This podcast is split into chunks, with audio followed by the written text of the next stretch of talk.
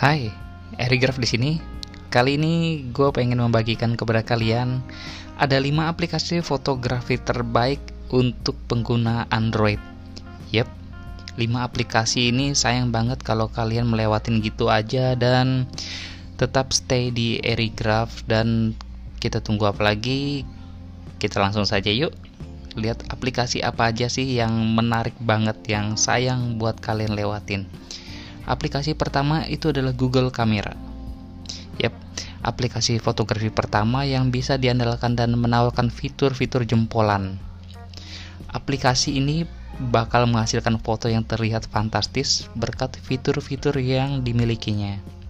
Fitur tersebut antara lain fitur HDR+, Night Shift, Super Res Zoom, Top Shot, Portrait, Google Lens Suggestions, dan Playground. Aplikasi yang ditawarkan oleh Google ini adalah aplikasi yang benar-benar mantap ketika kalian gunakan di smartphone kalian. Kemudian aplikasi kedua adalah kamera FV5. Aplikasi ini memang direkomendasikan buat kalian yang senang banget fotografi dan layaknya kamera DSLR sehingga bisa menghasilkan foto yang menakjubkan. Aplikasi ini memang ditujukan untuk para fotografer profesional maupun para penggemar fotografi. Kalian bisa mengatur exposure, ISO, light metering, focus, white balance, dan shutter speed. Kamu bisa mengasah kemampuan memotret, tapi belum punya kamera DSLR. Mungkin aplikasi ini cocok untuk kamu install di smartphone Androidmu. Kamera ketiga adalah kamera zoom FX Premium. Yap, seperti namanya, kamera dengan aplikasi ini menawarkan kontrol penuh layaknya kamera DSLR. Beberapa pengaturan seperti ISO, jarak fokus, exposure, dan shutter speed sudah bisa ditemukan pada aplikasi ini.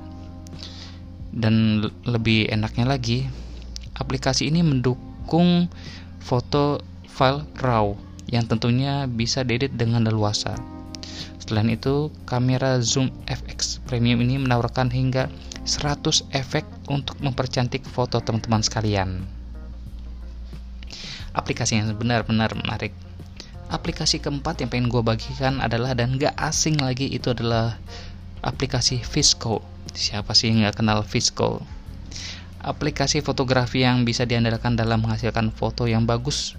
Aplikasi ini menawarkan pengaturan seperti kontras, saturasi, dan berbagai hal menarik lainnya.